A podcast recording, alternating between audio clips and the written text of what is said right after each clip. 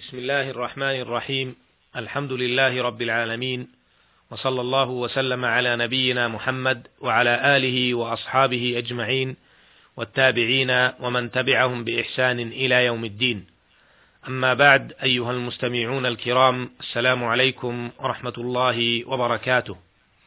في هذه الحلقة نتحدث عما رواه الشيخان في صحيحيهما عن أبي عمرو الشيباني واسمه سعد بن إياس قال حدثني صاحب هذه الدار وأشار بيده إلى دار عبد الله بن مسعود رضي الله عنه. قال سألت رسول الله صلى الله عليه وسلم أي الأعمال أحب إلى الله عز وجل؟ قال الصلاة على وقتها. قلت ثم أي؟ قال بر الوالدين. قلت ثم أي؟ قال الجهاد في سبيل الله. قال حدثني بهن رسول الله صلى الله عليه وسلم ولو استزدته لزادني. متفق عليه. هذا حديث عظيم مليء بالأسرار العظيمة والفوائد الجليلة والحكم الكثيرة. حري بكل مسلم ومسلمة أن يتأملوه ويعملوا بما فيه.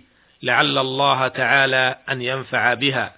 ولذا نعرض ما فيه من الوقفات والحكم بما يلي.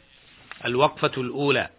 قوله سألت رسول الله صلى الله عليه وسلم أي الأعمال أحب إلى الله عز وجل. جاء في رواية أخرى أي الأعمال أفضل. وفي هذه الجملة فوائد. أولاها حرص الصحابة رضي الله عنهم وأرضاهم على السؤال عما ينفعهم في الدنيا والآخرة.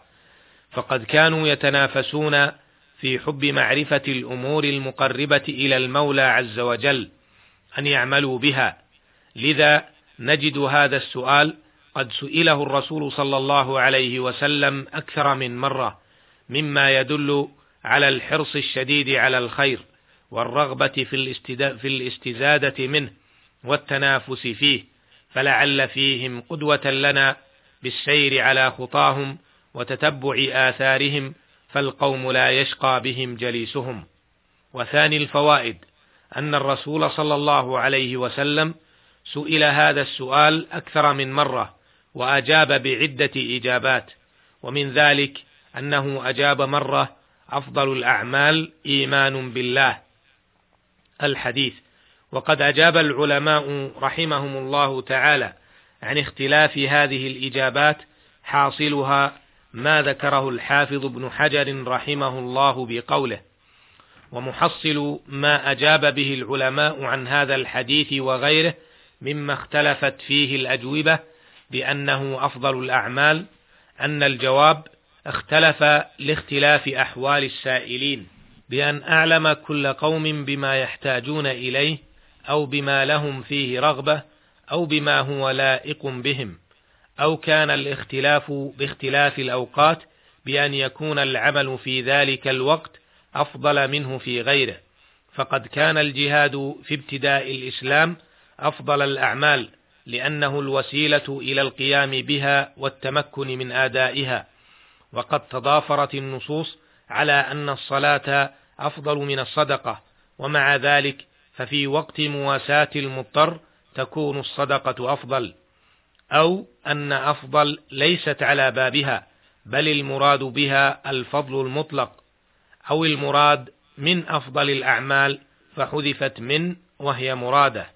وقال ابن دقيق العيد رحمه الله الأعمال في هذا الحديث محمولة على البدنية. وأراد بذلك الاحتراز عن الإيمان لأنه من أعمال القلوب.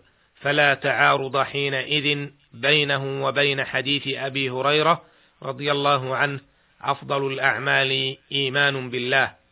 وقال غيره المراد بالجهاد هنا ما ليس بفرض عين لأنه يتوقف على إذن الوالدين فيكون برهما مقدما عليه. انتهى كلامه رحمه الله. وثالث الفوائد أن الأعمال الخيرية من واجبة ومستحبة تتفاوت فليست على درجة واحدة في الأفضلية وإنما تختلف بحسب تقريبها من الله تعالى أو بحسب نفعها ومصلحتها أو بحسب الوقت الذي تؤدى فيه. ففي وقت المجاعة والسغب تكون الصدقة أفضل الأعمال وفي وقت الجهل يكون طلب العلم العلم الشرعي ونشره بين الناس من أفضل الأعمال وفي وقت شيوع المنكرات وتساهل الناس فيها وتقصيرهم عن عبادة ربهم وطاعته يكون الأمر بالمعروف والنهي عن المنكر والدعوة إلى دين الله عز وجل والتمسك به من أحب الأعمال إلى الله عز وجل وهكذا. وإن كانت كل هذه الأعمال خيرية وفاضلة في كل مكان وزمان ولكن المقصود الأفضلية. ولذلك نجد إجابات رسول الله صلى الله عليه وسلم تتفاوت فتارة يقول الصلاة على وقتها وتارة الصدقة وتارة الإيمان بالله وهكذا. فهذا الاختلاف مبني على الأساس الذي ذكرناه. الوقفة الثانية قوله الصلاة على وقتها. هذه أحب الأعمال إلى الله عز وجل التي بينها الرسول صلى الله عليه وسلم في هذا الحديث. ولا شك أن الصلاة في وقتها من أفضل الأعمال وهذا مما يدل على أهمية الصلاة وعظم شأنها عند الله جل وعلا. فقد روى مالك وأبو داود والنسائي وابن حبان في صحيحه عن عبادة بن الصامت رضي الله عنه أنه قال أشهد أني سمعت رسول الله صلى الله عليه وسلم يقول خمس صلوات افترضهن الله عز وجل من أحسن وضوءهن وصلاهن لوقتهن وأتم ركوعهن وسجودهن وخشوعهن كان له على الله عهد أن يغفر له ومن لم يفعل فليس له على الله عهد إن شاء غفر له وإن شاء عذبه.